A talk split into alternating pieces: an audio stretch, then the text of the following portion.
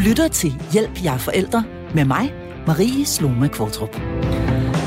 Ja, og rigtig hjertelig velkommen indenfor her i programmet. Det er koldt udenfor i dag, og jeg har glædet mig rigtig meget til at komme ind her i studiet i dag og øh, byde velkommen til endnu en fredag med folkeskolen i fokus.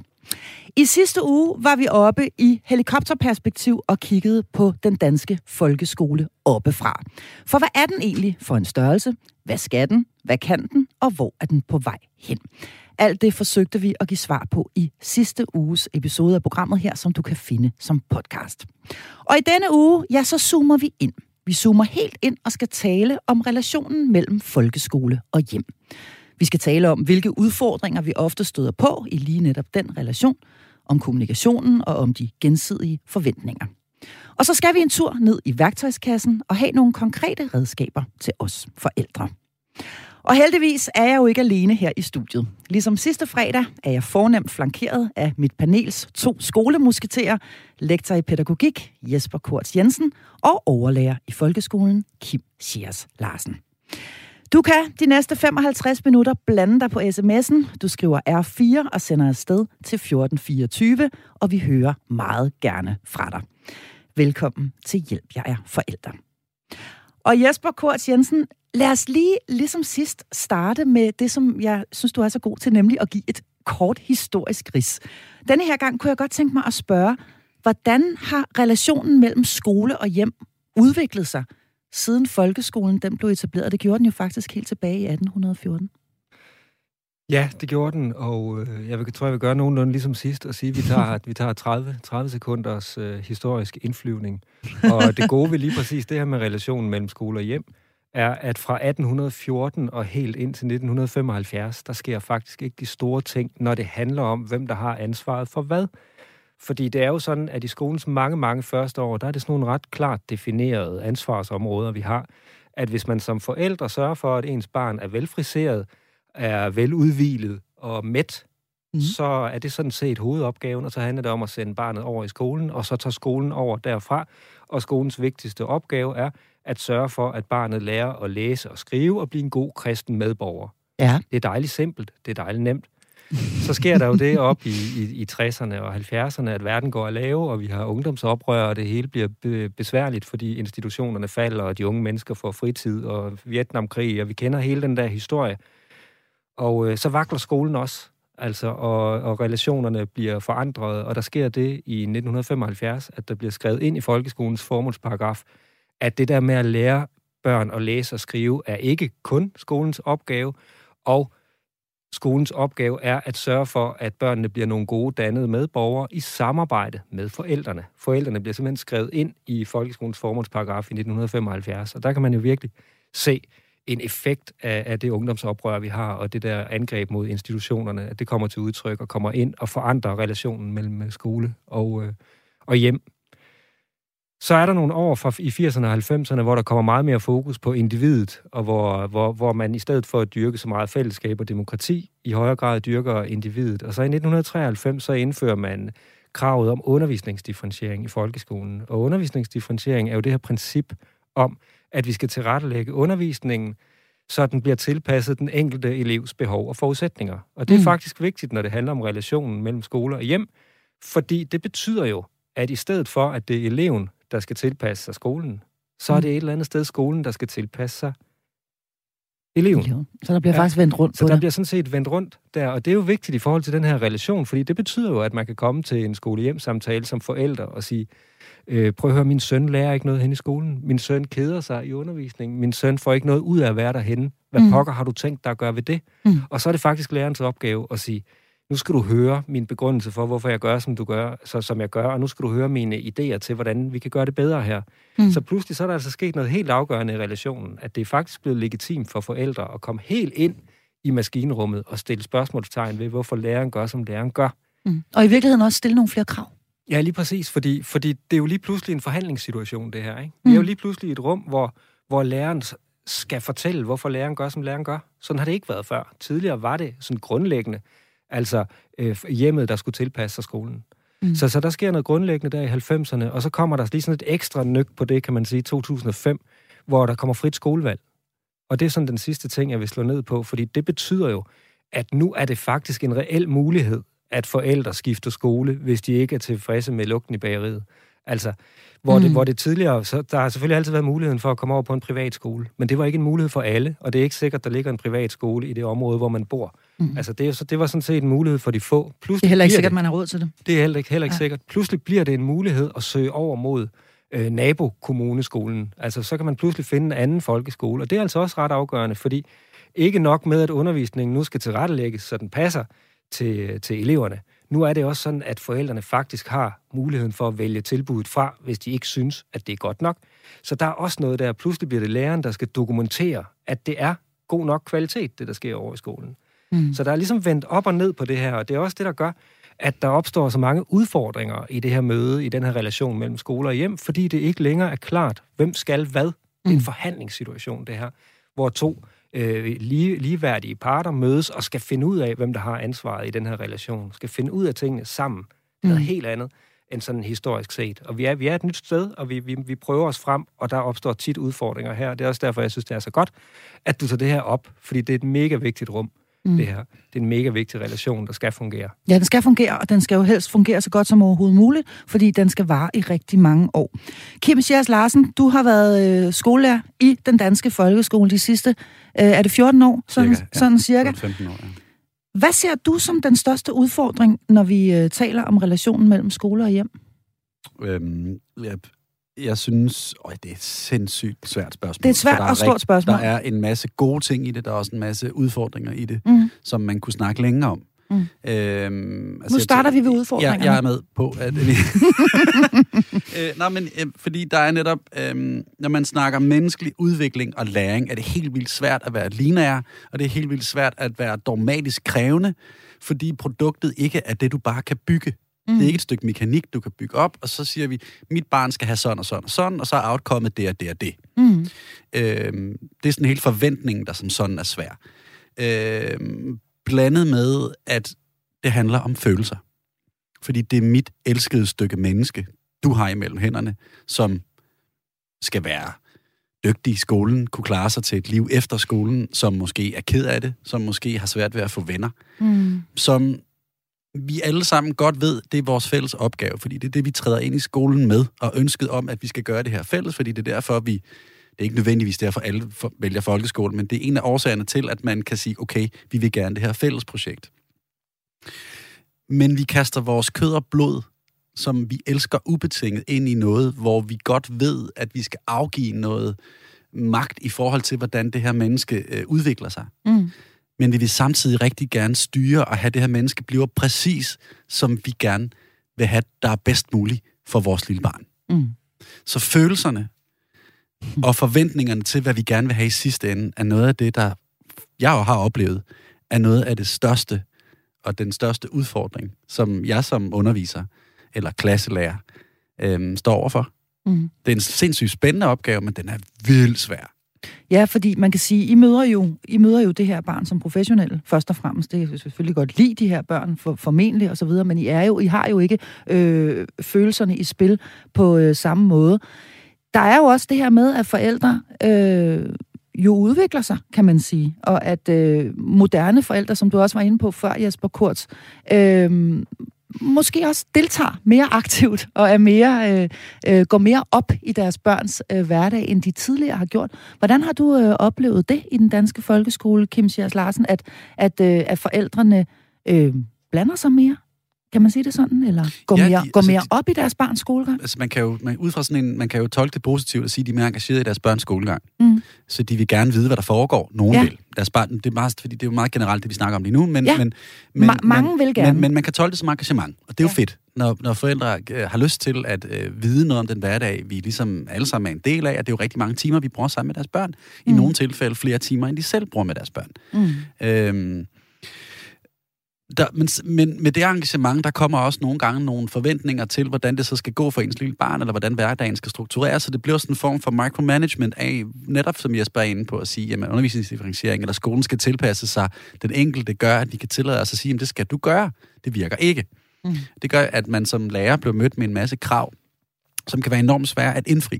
Fordi man samtidig står over for, lad os bare sige, 26 børn, som hver især har krav, øh, og har krav på at skulle få sig en god uddannelse og blive hele øh, rigtige mennesker undervejs og sådan noget. Mm. Øhm, så jeg synes, jeg mærker en større fokusering på, hvad der ikke går godt.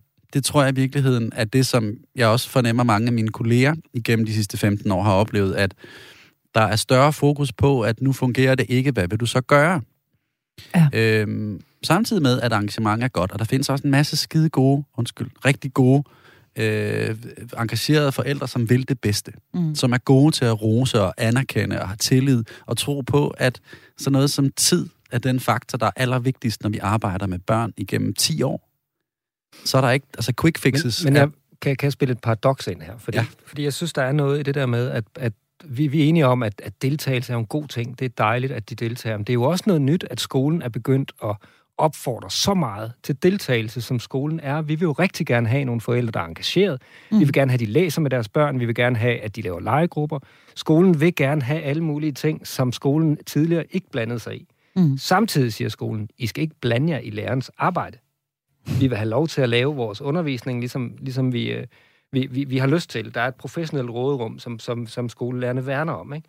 Mm. Og det tænker jeg egentlig også fra sådan et forældreperspektiv nogle gange kan være svært at manøvrere i, fordi det bliver sådan enormt skolegjort også. Og der kunne jeg godt tænke mig lige at høre dig, Kim, egentlig. Mm. Er det ikke også noget, I sådan risikerer at, at, at, at, at være medskaber egentlig af sådan en, I skal engagere helt vildt meget, men I må heller ikke lige blande jer for meget? Det er en balancegang i virkeligheden. Ja, øh, men lad os sige, at jeg selv, jeg, jeg synes, det der det er for mig som, som lærer, øh, et rigtig, rigtig vigtigt skridt for at gøre det barn, som vi alle sammen gerne vil have til at være godt eller i stand til at tage en eller anden form for ungdomsuddannelse efterfølgende, øh, om det er praktisk eller, eller teoretisk, det er ligegyldigt. Øh, men så er det en rigtig vigtig måde, at vi på en eller anden måde øh, fuldender den her barns udvikling på, at vi ikke nødvendigvis adskiller det så meget, men at jeg godt må sige til forældrene, jamen hvis vi skal gøre øh, dit barn til øh, dygtig til et eller andet, jamen, så er det fedt, hvis du tager ansvar. Fordi jeg ved, hvad der er bedst. Det er mig, der er den.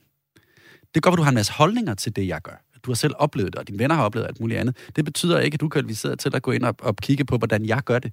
Fordi det, jeg gør, og det, jeg beder dig om, er, det er det bedste for dit barn. Mm. Fordi jeg ved, hvordan man skaber læring og udvikling. Og det skal du bare tro på. Ja, jeg kan godt se paradoxet. Ja. Men forestil jer, at folk blandede sig lige så meget i alle mulige andre steder af det liv, vi lever sammen.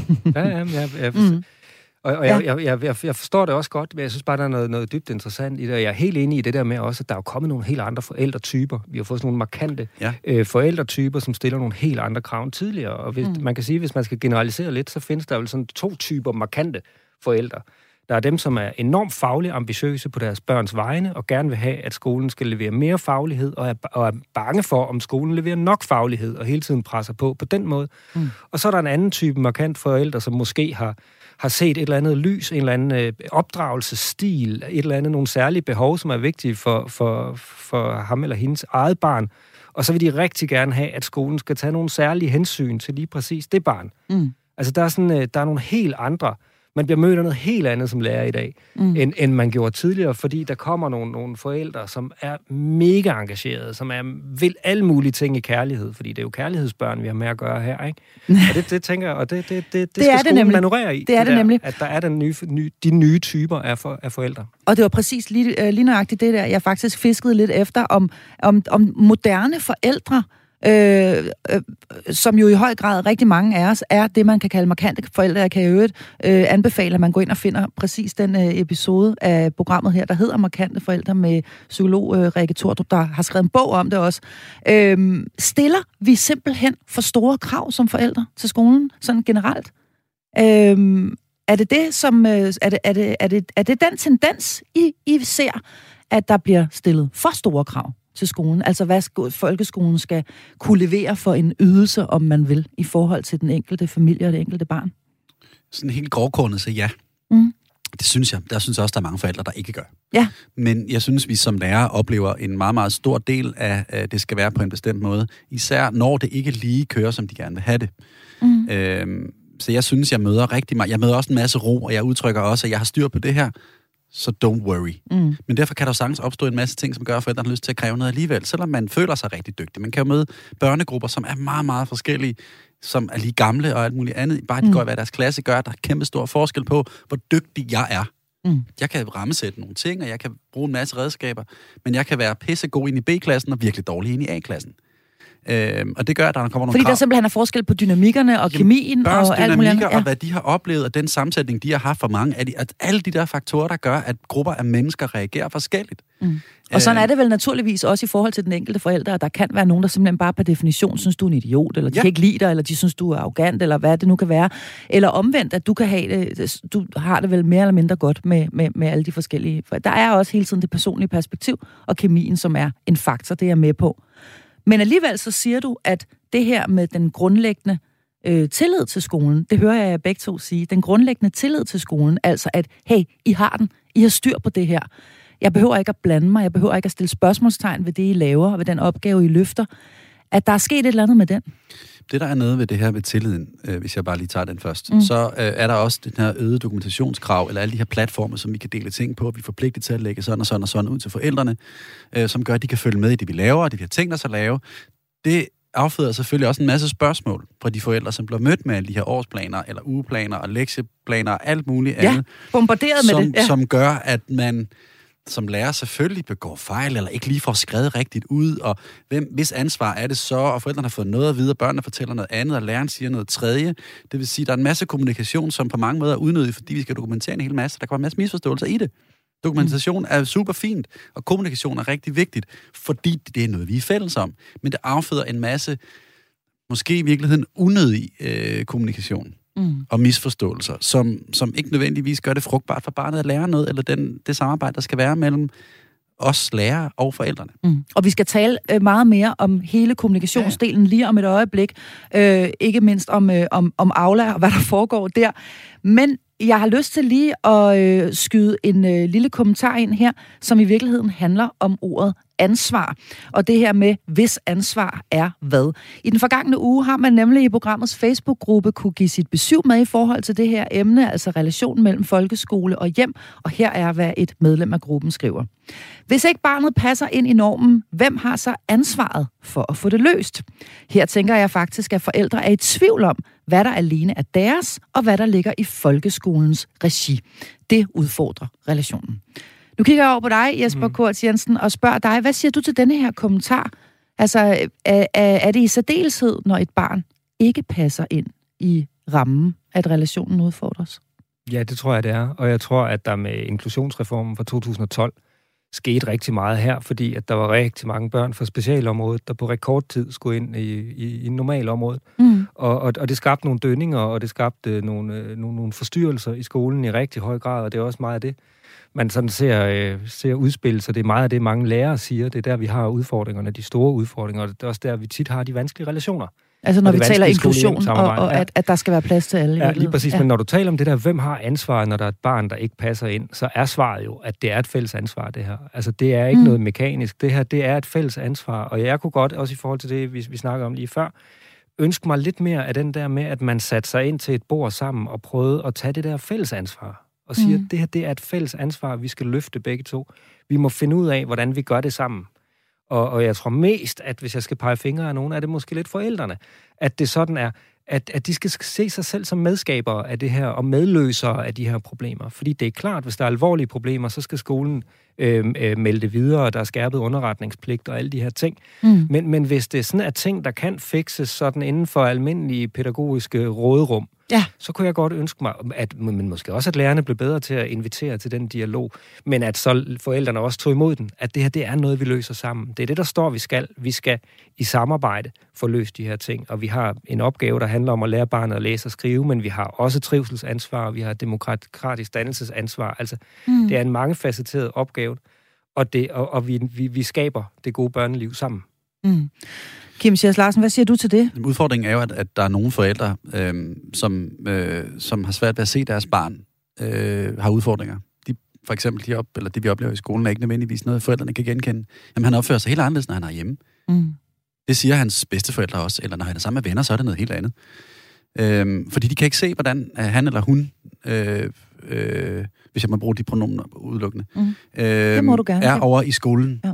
Hvor vi oplever noget helt andet, fordi øh, barnet er sammen med en masse andre børn, og der Mm. opstår noget helt andet. Det vil sige, altså allerede anerkendelsen, eller erkendelsen af, at ens barn er udfordret, hvis, Kan- hvis det er marginalt udfordret. Mm. Mm. Der kan sagtens være nogen, som har et eller andet, oh ja, skingerne af ADHD. Mm. Det er vi ikke i tvivl om. Selvfølgelig skal der en udredning og accept af, at vi skal have det ene og det andet. Men hvis det er børn, som, som kæmper med øh, sådan lidt, der er lidt mellem nogle forskellige stole, hvor forældrene ikke helt selv kan se det eller opleve det, så mødes vi allerede om at skulle forklare forældrene, at dit barn ikke er som de andre. Mm. Og så allerede der opstår der Mm. en modstand. Fordi man ikke kan genkende det, man er skide ked af på sit barns vegne. Mm. Og man måske heller ikke har lyst til at høre det, fordi det er jo selvfølgelig også en del af det, at det har man ikke lyst til at... Og, øh, Vi er jo tilbage i, at så er vi i vores, så er vi i vores følelser. Det her det er vores elskede kød og blod, som vi har sendt ind i den her arena, hvor det bare er frodende vildskab. Mm. Og, vi, og det skal blive så godt som muligt. Mm.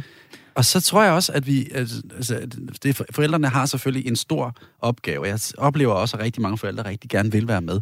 Ja, men der, der, der er noget i den måde, som nu kan jeg tale fra folkeskolens øh, område, øh, griber det an på, at der er virkelig, der kan være rigtig mange aktører indover, som ikke helt ved nok om, hvad der så skal gøres, når vi så mødes med en forælder. Fordi så er der måske en skoleleder, så er der måske en afdelingsleder, så er der måske en fra PPR, Mm. så er der øh, inklusionspædagogen, og så er der læreren, og så er der forældrene. Så det er mange mennesker omkring Der det her er bord. virkelig mange mennesker omkring Mm. det her bord, hvor alle ikke rigtig helt kender de samme sider af det her barn, som vi snakker om. Mm. Jeg kan godt forstå, at man som forælder kan synes, det er enormt besværligt og svært at se, hvad skal løsningen så være, når nogen kommer og, ah, hvad var det nu lige, og hvor skal vi så sende den hen? Mm. Øhm, jeg kan godt forstå, at tilliden kan nogle gange kan være svær, Mm. fordi det ikke, som I alle sammen ønsker, er helt vildt klart, hvad er det så, I gør, eller hvad er det, vi kan gøre? Mm. Men er det tydeligt nok, har jeg lyst til at spørge, er det tydeligt nok, hvem der har ansvaret for hvad? Altså, N- n- det, nej, det er det ikke, fordi, Nej. fordi ligesom jeg startede med at sige, så er det her jo en relation, relation mellem skole og hjem, som har forandret sig rigtig meget. Tidligere var det tydeligt defineret, det er det ikke. Det er et forhandlingsrum. Mm. Vi møder ind med forskellige dagsordner, vi møder ind med forskellige menneskelige egenskaber. Vi skal først finde ud af, hvad er forventningerne til hinanden i det her rum. Og først når vi har fundet en forventning om det, så kan vi begynde at tale om det, det handler om. Mm. Og der tror jeg, at lærere skal bruge deres øh, psykologiske indsigt og deres øh, psykologiske øh, lærerprofessionelle faglighed til at vise forældrene, at de har set barnet. Bagefter så skal de øh, anerkende, at forældrene er de virkelige eksperter i det her barn. Mm. Og så skal de prøve at få forældrene på banen til at komme med nogle løsningsforslag til, hvordan vi får barnet til at handle anderledes. Jeg tror, det er mega vigtigt, at lærerne, i, i, når, når der er et barn, der falder lidt ved siden af og har nogle, nogle udfordringer, at lærerne tager forældrene med her og får forældrene til at komme med nogle løsningsforslag inden for en ramme, som læreren definerer, fordi det er læreren, der er fagpersonen. Men jeg tror også, der er mange øh, forældre, der bliver frustreret, fordi de føler, sig, at de føler, at deres viden ikke bliver anerkendt. mm. Det Ja. tror jeg er vigtigt, man gør. ja, de At- føler sig som- ikke set og hørt i Nej, de, virkeligheden. de føler, de føler, altså, og så kan man sidde og skændes om en eller anden tolkning af virkeligheden. Sådan mm. er Mm. han derhjemme, sådan er han over i skolen. Mm. Og der, der mener jeg, det er lærerens ansvar først at vise forældrene med eksempler, med observationer, at de kender barnet, at de har set barnet, at det er sådan, barnet gør. Mm. Og så bagefter komme med nogle begrundelser for, øh, hvorfor barnet måske gør, som det gør, og så lægge en- del af løsningen over til forældrene. Mm. Og sige, hvad tænker I? Men Vi det, har den bane og den bane og den bane at spille på. Hvad tænker I? Men det er jo virkelig svært som en forælder, som ikke er uddannet pædagogisk, at skulle forholde sig til, hvad skal mit barn gøre i den her skolekontekst? Du beder mig om at finde en løsning på et problem, hvor jeg ikke selv er en del af og- oplevelsen på nogen måde. Mm. Det kan jeg godt forstå, at man som forældre synes, at kan være øh, mi- mistillidsskabende, eller om ikke andet en lille smule foruroligende. Mm. At man sidder over for nogle mennesker, som beder en om at finde en egen løsning på noget, hvor man ikke selv er involveret. Problemet er, hvis forældre føler sig trumlet. Og, og hvis, og hvis en forælder føler, at, at, at, at læreren simpelthen ikke ser det barn, som forældrene ser det, så har vi et problem helt fundamentalt, og så kan vi sidde og, og bokse rundt om det i nok så lang tid. Og der mener jeg virkelig, det er lærerens ansvar at overbevise forældrene om, at læreren faktisk har hørt, hvordan forældrene oplever barnet, set barnet på en måde, som, som de kan genkende. Mm. Det, jeg kan godt se, jeg, jeg tror måske, bare at man godt kan føle sig trumlet på en anden måde ved at blive bedt om at skulle forholde sig til et, et, et, et fagområde, man overhovedet ikke aner noget som helst om. Og sådan lidt den lemme løsning, at læreren siger, hvad synes du så, at vi skal gøre mm. med dit barn? Mm. Det, Jamen, det er dig, der ved noget om det. Du er nødt til at gøre noget, lærer. Ja, lige præcis. Nej, nej, ja, ja, ja, ja, men jeg mener mig heller ikke, at det bare skal være, hvad, hvad synes du selv? Jeg, jeg, jeg, mener, jeg mener, at det skal være sådan, altså har I nogen, har I nogen forslag til, hvordan vi får Peter til, til at markere noget mere i timerne med den viden, I har? Er der noget, I har oplevet i hans liv, hvor, hvor han engagerer sig? Hvor, hvor I kan se, at her bliver han sgu øh, tændt af noget, her er der et eller andet. Altså få forældrene til at tale om deres oplevelser af deres barn. Mm. Og så kan vi tale os frem til noget derfra. Mm. Jeg tror, der er en, nøglen rigtig tit er, at få forældrene til at forstå, at læreren godt forstår barnet. Mm. Altså, at vi taler på samme frekvens, Bestemt. vi vil barnet det godt, Præcis. og at læreren anerkender øh, forældrene som eksperter i barnets liv. Mm. Og det handler vel i virkeligheden i sin kerne om lige præcis det her, at man har fornemmelsen af, som forældre ved jeg selv til, som, som mor til et, et mindre ishockeyhold, at det handler jo rigtig meget om, at man kan mærke, at denne her fagperson, hvad enten det er en lærer eller en pædagog, eller hvad der er, der sidder over for en, faktisk vil ens barn det aller, aller bedste, og at man er i, i, i, trygge, øh, i trygge hænder. Øh, nogle gange sker det jo, at man kan få øh, sin, at man kan få sin tvivl, som man kan, man kan tænke sådan, gud, synes, synes de i virkeligheden, mit barn er dybt uschammerende, eller at, at, er det i virkeligheden, og i virkeligheden gå hen og føle sig angrebet. Og der tænker jeg, at der, at der kan kommunikation gå hen og blive rigtig svært, fordi hvis der er noget, der er svært som forældre, det er, så er det, hvis der er nogen, der angriber det kæreste, man har, ikke? Der er kommet en sms ind på 1424, og den læser jeg lige højt øh, nu. Den lyder sådan her. Der stilles alt for store krav til skolen og lærerne, og det bliver desværre værre og værre. Hvordan skal en lærer overhovedet kunne overkomme inklusion af flere børn i klassen, der har stort behov for ekstra opmærksomhed, og samtidig til gode se resten af klassens undervisning? Løsningen ligger altså også hos forældrene. Og den her sms, den kom fra Inger. Hvad vil I sige til det? Alt for store krav til skolen og lærerne. Det bliver sværere og sværere at skulle øh, imødese alles behov. Altså, jeg, jeg har jo oplevet det. Mm. Sådan, det har du selvfølgelig også, men på andre måder måske, øh, hvor, hvor inklusion jo er...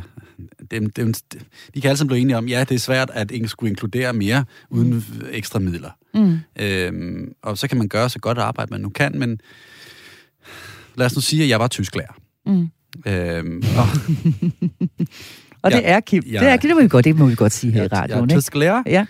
Øhm, og får et sammensat hold af to forskellige klasser, hvor der på den ene hold er en eller to øh, inklusionsbørn, og vi har sammen tre lektioner om ugen, og vi skal lære et sprog, som ingen rigtig er trygge ved. Mm. Og det er sat op ud fra, at øh, den nye tysklærer på klassen kommer ind og har for, for, forberedt et eller andet, og de skal lave nogle øvelser, de skal snakke, de skal skrive, de skal tale og sådan noget. Øhm, og så sidder der nogle, så er der nogen, der rigtig det, og det kunne også være en helt almindelig klasse, det behøver ikke være alle de her faktorer, som gør, at det er en tysk eller andet, mm. men mere bare eksempel på, at, at, at så laver man nogle opgaver, hvor øh, nogen har rigtig nemt ved det, og går i gang, de synes, det er sjovt, og de taler, og så sidder der nogen herover og, og siger la la la la mm. i den anden side, øh, og kommer ingen som helst øh, vegne. Mm. Øh, de utrygge, dem der sidder ved siden af, de får ikke rigtig lavet noget. Den pågældende, eller de to sidder faktisk bare og laver Herover så er der nogen, der bare tordner afsted. Samtidig står den her sagsløse tysklærer i midten af det hele og skal forsøge at få det her til at være noget, som alle får bare et minimum ud af. Mm. Uh, uden ekstra midler. Og så skal man prøve at... Altså, det, det, øhm, det er i hvert fald en stor forventning det er at stille. Man mm. kan sige, det er stadigvæk også en, en, det er en kæmpe udfordring for marginaler, for mindre fag. Det er også en kæmpe udfordring for en klasselærer med 10 timer i en klasse. Mm. Fordi så er der nogle andre, man kender måske barnet bedre. Mm. Men man er stadig ude i, at man skal bruge rigtig mange kræfter på et barn, mm. øh, sådan i forhold til alle de andre børn. Mm. Og hele emnet inklusion, jeg er nødt til at sige, det er vi nødt til at lave et helt program om. Det ja, håber det jeg, I er friske på, fordi det er jo altså et uh, emne helt for sig selv. Men nu skal vi altså tale om uh, kommunikationen mellem uh, skole og hjem. Du lytter til Hjælp, jeg er forældre. Ja, og jeg er i ualmindelig godt selskab her med mit øh, faste panels to skolemusketerer, nemlig overlærer Kim Sjærs Larsen, det lyder så fint, overlærer, ja. og lektor i pædagogik Jesper Kort Jensen. Vi har talt en hel del om forventninger og om ansvar og om de udfordringer, vi ofte møder, når skole og hjem de skal have en relation. Og nu skal vi altså tale lidt mere om den her kommunikation. For meget og for lidt kommunikation og hvordan pokker finder vi balancen. Du kan stadig skrive ind til os med spørgsmål eller en kommentar. Vi hører rigtig gerne fra dig, og du gør simpelthen bare det, at du skriver R4 i en sms og sender afsted til 1424. Er der nok kommunikation? En øh, forælder fra programmets Facebook-gruppe skriver sådan her.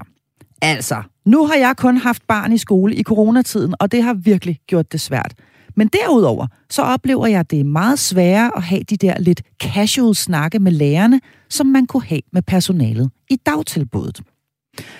Spørgsmålet er altså her, om skolen den er god nok til at tage imod de nye forældre, som kommer direkte fra en hverdag i en institution, hvor der jo er meget mere sådan face-to-face øh, kommunikation i forbindelse med både aflevering og afhentning. Er skolen god nok til det? Altså til det her med at, at møde de nye forældre, som afleverer deres lille pus hen i skolen, Jesper Kors Jensen? Det synes jeg er vældig svært at generalisere over, fordi mm. der er ret store forskelle fra kommune til kommune på, hvordan de laver de her overgange. Altså i mm. nogle kommuner bruger de mega meget tid på at lave nogle glidende overgange, og bruger rigtig meget tid på, at forældrene godt må komme med op i klassen og aflevere, og man får et godt kendskab og alt sådan noget der. Så, så lige præcis det der, synes jeg er svært at generalisere over. Mm. Øh, I forhold til, til det med kommunikationen, så tror jeg, jeg, jeg tilhører dem, der, der synes, der er, der er for meget kommunikation mellem skole og hjem, og at lærerne faktisk også bærer et ansvar for, at det er blevet sådan. Og jeg kunne godt tænke mig lige at supplere det med, med sådan en, en, en lille historie fra et, fra et projekt, jeg var med i på et tidspunkt, hvor jeg var ude og interviewe en uh, skolelærer, som sagde, at han var faktisk rigtig kritisk over for, at lærerne skulle lave ugeplaner. Mm så skete der det på hans skole, at, øh, at, at der var nogen, der begyndte at gøre det, fordi de syntes, at det var et rigtig rart øh, øh, planlægningsredskab. Så begyndte altså det der, hvor man sender en plan ud hver fredag ja, for, hvad der hvor, skal ske. og hvor forældrene altså også kan se, når man, hvad ja. der skal foregå rent fagligt. Og lige så snart man begyndte at gøre det i en klasse, selvom han havde sagt egentlig, at han synes, det var en dårlig idé, det skulle de ikke gøre, så valgte lærerne selv at gøre det så ville man også have det inde i naboklassen. Og inden der var gået et halvt år, så havde alle de her ugeplaner og begyndte at have det som et planlægningsværktøj. Og det var der rigtig mange af lærerne, som, som, som synes var, var fint. Der var også nogen, der synes det var irriterende. Lederen var egentlig imod det, men det var sådan noget, at, fordi man havde selvstyrende teams, man selv havde indført. Ikke? Og jeg tror, at der er sådan lidt... Der, der er meget forskellige opfattelser af det her. Mm. Men grundlæggende, så tror jeg, at man kunne klare sig med væsentligt mindre information mellem skole og hjem, end det man oplever i dag. Og, øh, og, og jeg tror mm. også, at, at lærerne bærer et ansvar for, at det er blevet sådan her. Mm. Men vi, hvis, vi, hvis vi lige hopper tilbage til for meget og for lidt, og til denne her kommentar inden for programmet, i øvrigt helt fantastiske Facebook-gruppe, hvor alle er hjertelig velkomne.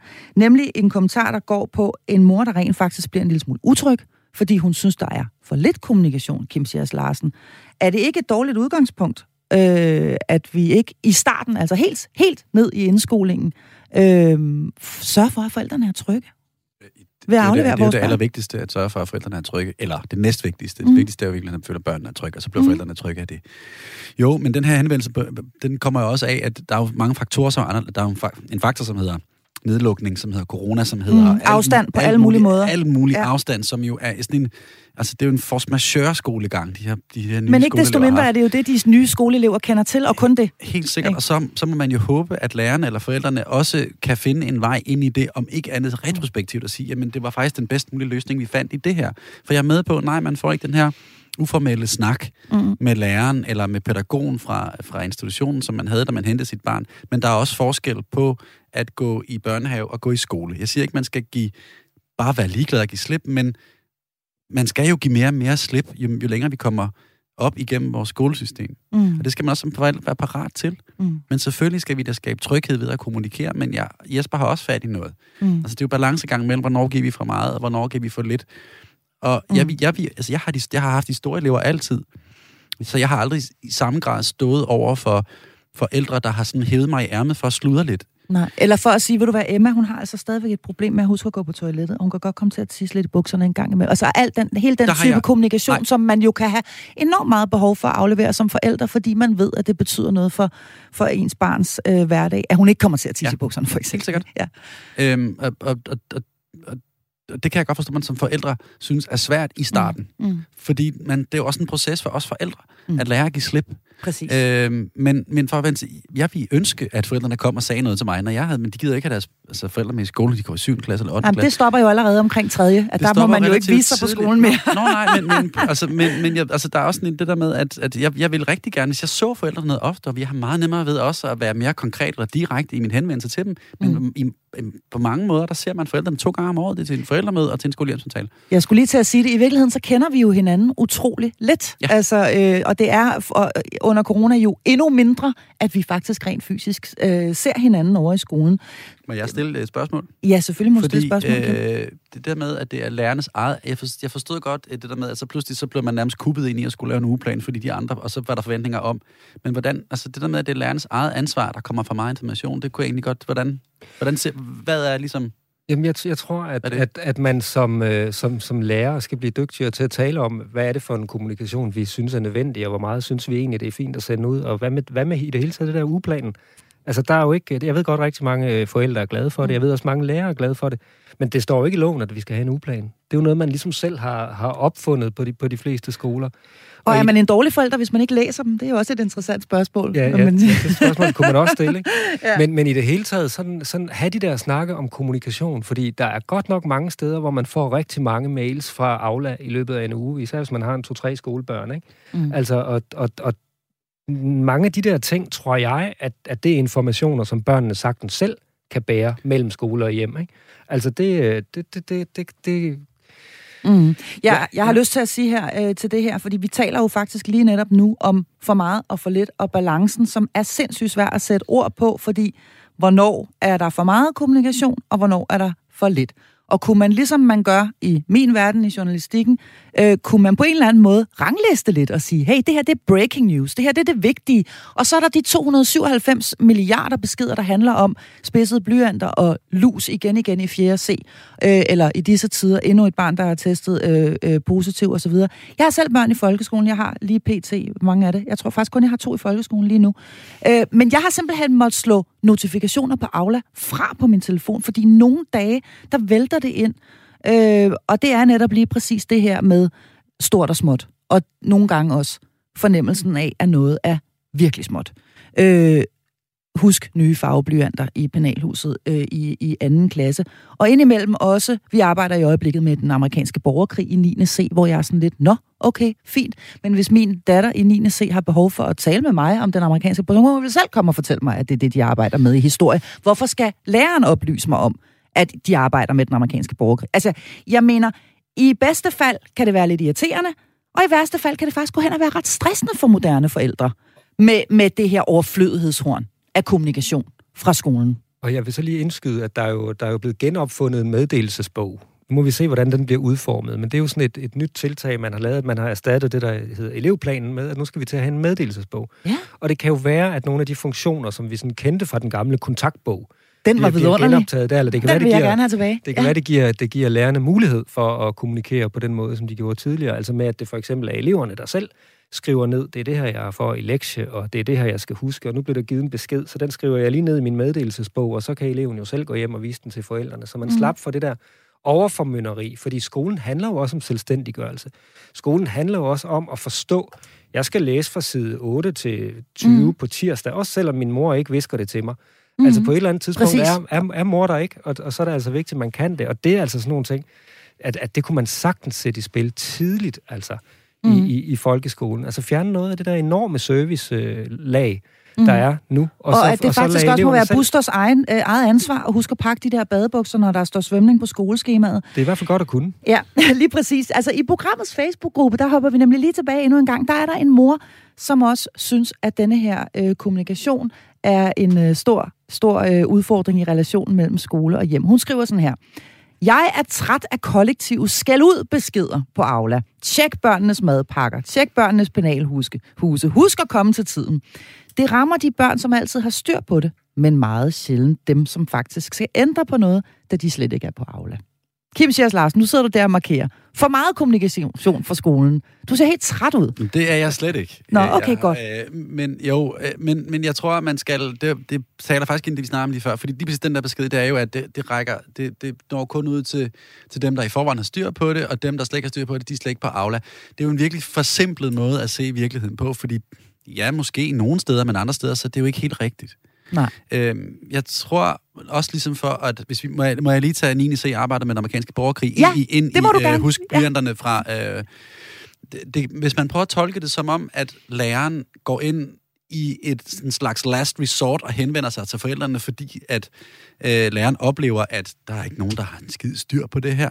Mm. Der er ikke nogen i klassen. Så er der måske nogle børn, øh, som har husket, hvad var det nu, den besked, du lige læste, handlede Nå, men det var noget med penalhuset og børnenes madpakker og kom til tiden Det, det kan godt noget. være, at pågældendes barn har, har styr på fagblyanten og blyantspidseren i penalhuset. Mm. Øh, men det kan også være, at barnet ikke nødvendigvis altid har det. Øh, men hvis man prøver at tolke kommunikationen fra læreren om netop sådan nogle ting som i et jeg har behov for jeres hjælp, sådan rent kollektivt, så ja, så nogen af jer rammer jeg ved siden af. Men skal jeg sidde og skrive en besked til samtlige forældre, hvis børn enten ikke er forberedt ordentligt til den amerikanske borgerkrig, eller ikke har styr på penalhuset, så kommer jeg til at bruge så vanvittigt meget tid af den forberedelse, som jeg har. Mm. Vi har jo forberedelse i folkeskolen. Det giver god men der, mening. Men, men så er der mm. noget, som, hvor en kollektiv besked kan skrives. Ja. Skal jeg skrive det? Skal jeg skrive kollektive beskeder til de 140 forskellige elever, jeg har? Så kan jeg ikke forberede mig på undervisningen dagen efter. Jeg ved godt, det er også at jeg kan, det, det, det, kan jeg godt se. Det er, en god, jamen, det er en god pointe, at der er det nemmere at skrive kollektivt ud. Men kan du samtidig for, ikke godt forstå, Kim Sias Larsen, jo. At, det, at man nogle gange som forældre rent faktisk bliver en lille smule stresset af, øh, og måske faktisk også risikerer at overse noget, der er rigtig vigtigt. Øh, altså beskeder, som rent faktisk er virkelig vigtige, fordi de simpelthen drukner øh, i, i beskeder om, at nu er der endnu et barn, der har lus, eller nu er der igen, øh, det kan, nu er det igen tid til at tjekke penalhusen. Jeg kan forstå det, men, men og, og, jeg kan også nogle gange, når min datter får ting i sin... Altså, så kommer der, wow, der er nyt på et eller andet, og så starter der noget nyt i ugeplanen, og jeg ved ikke, hvor hen i ugeplanen der er. Jeg skal sætte hele ugeplanen igen igen, for at se, hvor der er en eller anden på. Det synes jeg da også, det bruger jeg også, men sådan, sådan er det jo bare. Mm. Altså, jeg ved godt, man kan blive stresset over det, men Come on, undskyld. Okay. Nå, men... ja, der er kommet, altså faktisk lidt, når nu vi er i gang med det her med come on, så er der kommet en uh, sms, og den lyder sådan her. Øh, forældre skal selv tage et meget større ansvar øh, for de børn, som de sætter i verden, og ikke skubbe ansvaret over på pædagoger og lærere. Kom ind i kampen, dårlige forældre. Og så med venlig hilsen, viseverden kendt. Så lidt af en, lidt af en øh, opsang. Tak til viseverden kendt. Du kan stadigvæk også nå at smide en sms. Det gør du ved at skrive R4 og sende afsted til 1424. Når vi taler relationen mellem øh, skole og hjem, så kommer vi ikke uden om det, som ikke er elektronisk, men det, som involverer os i øh, sådan fysisk grad. Nemlig alle de mange øh, arrangementer og tiltag, som der er en eller anden form for forventning om fra skolens side, at vi øh, både øh, arrangerer og, øh, og deltager i og bidrager til på alle mulige forskellige måder. Her taler jeg om legegrupper, jeg taler om trivselsarrangementer, jeg taler om hytteture, som er arrangeret og også øh, bliver afviklet øh, uden for skolens øh, åbningstid. Hvad mener I om denne her øh, forventning fra skolens side om en, øh, en, en, en involvering på det her niveau fra forældres side? Her er vi jo inde på det, som jeg, som jeg nævnte tidligere med, at skolen er begyndt at stille nogle andre krav til forældre. Altså Hanne Knudsen har skrevet nogle ret, nogle ret gode artikler om det her, hvor hun, hvor hun taler om, at skolen har inviteret familierne til at invitere skolen ind i familierne. Det er sådan ja. en fin, øh, ja. fin formulering, synes jeg, at vi, vi forventer et eller andet, en eller anden høj grad af engagement fra forældrene. Og, øh, og, og, og, og, og det er jo så, så kommer så særligt til udtryk i de små klasser, at der, for, der, der er ligesom kommet sådan en helt ny øh, forventning om et forældreengagement, som er, er fuldstændig uset øh, karakter i forhold til, hvad vi har set tidligere. Mm. Altså forældre, der mødes, holder ja. jævnlige møder, laver hytteture, laver fædreture, laver alle mulige slags mm. arrangementer, laver alt muligt. Det er nærmest blevet en livsstil. Madgrupper, og jeg ved Det er nærmest blevet ja. en livsstil at ja. have, have børn i, i de små klasser. Ja. Og, og det er jo på en måde fedt, fordi at jeg tror, det, det ofte giver nogle, øh, nogle, nogle, nogle, nogle velfungerende forældrefællesskaber, hvilket kan være rigtig godt, når, når, når børnene er små, og det kan også give nogle, nogle, nogle sammentømrede klasser, tror jeg. Jeg tror faktisk, at, at mange af de her tiltag har nogle rigtig gode relationelle øh, sådan, øh, effekter. Men, men det, jeg nogle gange godt kan, kan synes i alt det her med det her øget engagement, det er, at, at man nogle gange måske glemmer, at børn også skal have et privatliv. Mm. Altså, jeg synes måske, det kan blive sådan hvad mener, lidt... Hvad øh, mener du med det? Jamen, jeg altså, synes måske, blander vi os sådan, for meget? Ja, altså det, jeg kan godt i hvert fald, det er i hvert fald et perspektiv, jeg har lyst til at spille ind, det der med, at skal børn ikke også, skal vi ikke til lidt mere at respektere den der tid, hvor børn har til kun at være børn, og hvor der ikke er nogen, der bestemmer over, hvad de skal gøre, og hvor der ikke er nogen, der, der tager ansvar for deres tid. Mm. Og der kunne man da også gribe fat nogle andre steder, det er jeg godt klar over, men, ja, men det er sådan en lidt en kæphest for mig, tror jeg, det der med, at vi skal i hvert fald overveje, altså måske skal vi skrue lidt ned for volumen, eller øh, hvor, hvor, hvor store de der arrangementer skal være. Måske er det mm. fint nok bare at mødes i parken en gang imellem. Måske er det fint mm. nok. Mås- måske, måske er det ved at tage lidt overhånd nogle steder med, at det bliver så om sig gribende. Og måske skal vi respektere og lave nogle flere lave nogle flere ting, der alene er på børnenes øh, præmisser, fordi vi skal også tænke på, at børn i dag, de er travlt. Ja, de skal mange ting. De er i skole, ja. de er SFO, de er til skole øh, fritidsaktiviteter, ja. de er alle mulige ting. Og når vi så også lægger andre arrangementer oveni, så, så bliver det altså ret massivt. Og der mm. vil jeg i hvert fald gerne have hejset et flag for, at vi begynder at tænke i, om børn ikke også har ret til et privatliv. Mm. Og så er der vel også en udfordring i, at det ofte, i hvert fald min erfaring, er de samme ressourcestærke forældre, de forældre, som, som, øh, som har tiden og lysten og så videre, måske også dem, som ikke har så mange børn, som løfter det hele. Altså, at det, det er de samme forældre, som har overskud, og at de forældre, der så ikke har det, de også på en eller anden måde risikerer at blive lidt udstillet. Og, og dermed jeg, jo også deres børn, faktisk. Og der synes jeg, det er mega vigtigt, at man laver nogle arrangementer, som er lette at gå til, mm. som ikke koster alverden, og hvor man kan gå til og fra, og hvor der ikke er en forventning om, at man deltager i det hele. Det er mega vigtigt, at man i sådan nogle klasseråd kommunikere det her. At her skal I komme, hvis I har lyst og tid og overskud, og det bliver Ja, fedt, og det, det, måske er fint nok, at man køber en pizza ned på hjørnet og tager med ja. til den der fælles buffet, fordi det kan ikke være alle, øh, der har, har tid eller overskud til at, at, at bage kager helt fra bunden og så videre. Kim Schiers Larsen, du har været i den danske folkeskole i rigtig mange år. Er der ikke en, øh, en, en tendens til, at, øh, at det her det simpelthen tager lidt overhånd? Altså hele denne her øh, trang til, at vi skal hygge os sammen, også når vi har fri?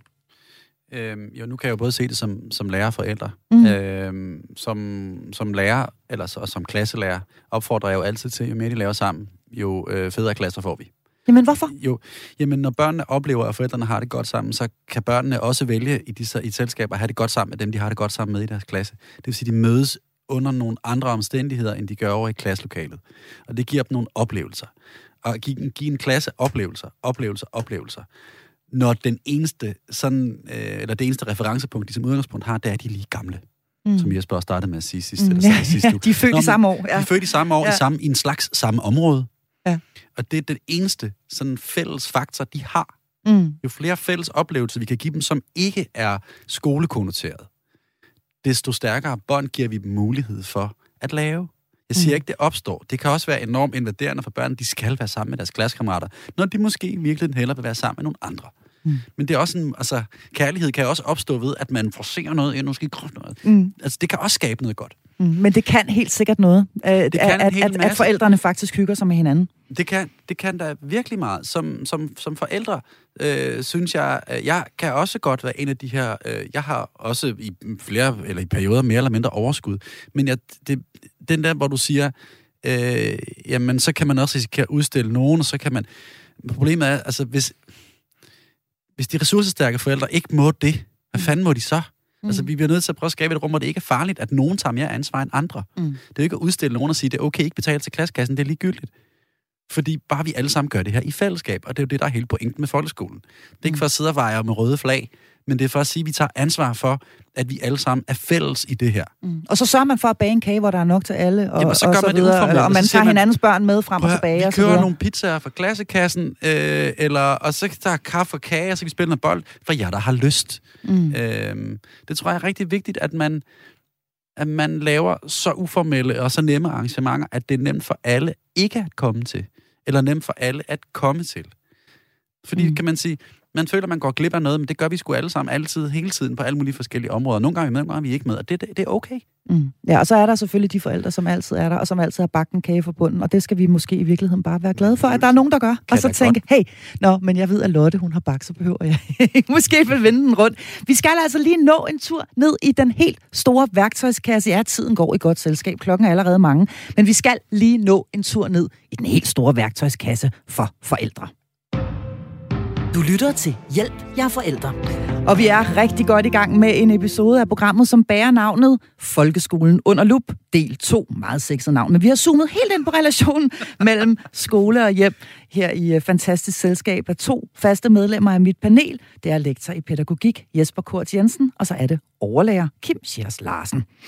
En ting er fuldstændig sikker, vi ønsker alle sammen, at vores børns skolegang skal være så god som overhovedet muligt.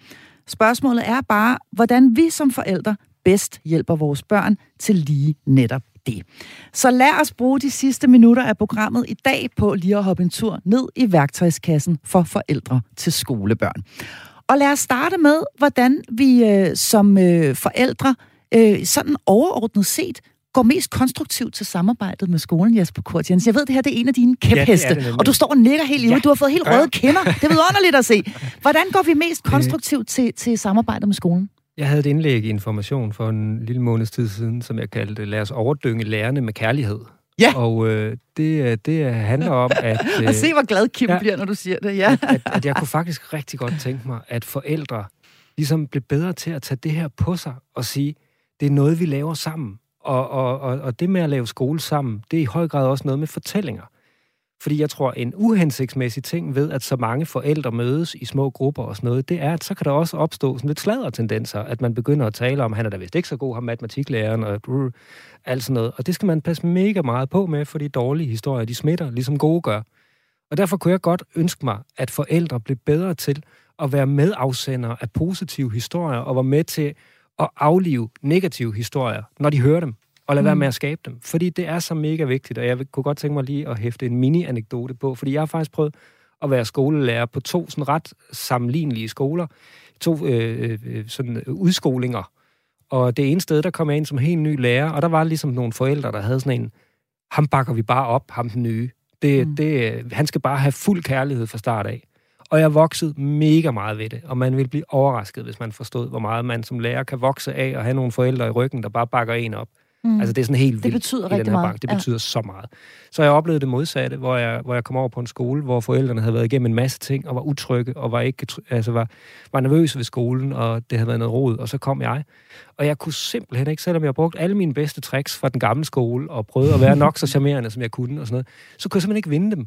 Nej. Og det blev så ubehageligt, at, og, og, og, og det, det blev ja, det, det blev sgu aldrig godt, og jeg, og jeg var der heller ikke særlig lang tid. Og, og, og jeg har ligesom mærket begge de der sider, og jeg tror også, det var det, der fik mig til at skrive det indlæg. Det er det der med, at vi skal bare vide som forældre, hold op mand, hvor kan vi skabe gode vibrationer, hvis vi kaster noget kærlighed efter de mennesker, der skal være sammen med vores børn hver dag. Mm. Fordi det er ensomt at være lærer. Man får ikke ret meget øh, anerkendelse i det job. Selvom man er sammen med mennesker hele tiden, så er man mega ensom, når man lukker den dør ind til det klasselokale. Og der har forældrene altså en vigtig opgave i at gøre deres, lærer, øh, deres børns lærer gode. Og det mm. kan de gøre. De kan virkelig skabe gode vibrationer. Så jeg, jeg ønsker mig sådan en slags kærlighedsrevolution ud til, til lærerne, hvor forældrene begynder at overøse dem med gode vibrationer og begynder at spille dem stærke. For eksempel til, til, til sådan nogle forældre aftener, hvor alle er samlet. Det er så mega vigtigt, at vi får de der lærere til at stå og shine og fortælle om, hvad de er gode til. Så det er det, vi går derfra med. I stedet for, at det bliver sådan noget med, at vi, vi, vi, vi borer ned i nogle små bitte problemer, som slet ikke er problemer, og så bruger vi en halv time på at diskutere et eller andet, der er ligegyldigt. Altså lad os få pokker fortalt det pædagogiske personale op, så vi kan ja, få skabt nogle glade og gode børn. Det er et meget smukt budskab. Jeg ved, at du, Kim, er fuldstændig enig. Desværre er vi ved at løbe fuldstændig tør for, for tid, men jeg ved, at du er enig i, i det, Jesper han siger. Ros og opbakning, og tal positivt om skolen og lærerne derhjemme, ja. også hjemme over aftensbordet, når lille Buster sidder og fortæller om, hvad han har lavet i dag. Ja, Helt ultrakort. Hvorfor er, er det så vigtigt? Det er så vigtigt, at børnene går ind i skolen med en positiv forestilling om, at det her det er godt frem for en dårlig historie hjemmefra, om at skolen ikke er god nok. Fordi hvis, hvis forældrene ikke synes, at skolen er god nok, hvorfor fanden skal du sætte mig så i skole? Så sidder jeg jo i skolen til noget, som jeg skal bruge rigtig mange timer på, som du har sendt mig over i, men som du ikke synes er en god idé. Hvorfor skulle jeg så synes, det var en god idé? Det synes jeg er øh, helt vildt vigtigt at give børnene. Frem for at give dem et minus til at starte med, så giver man en plus. Yes, det skal du. Det bakker jeg op om. Det bliver fedt i dag. God fornøjelse. Mm. Og så en sidste ting.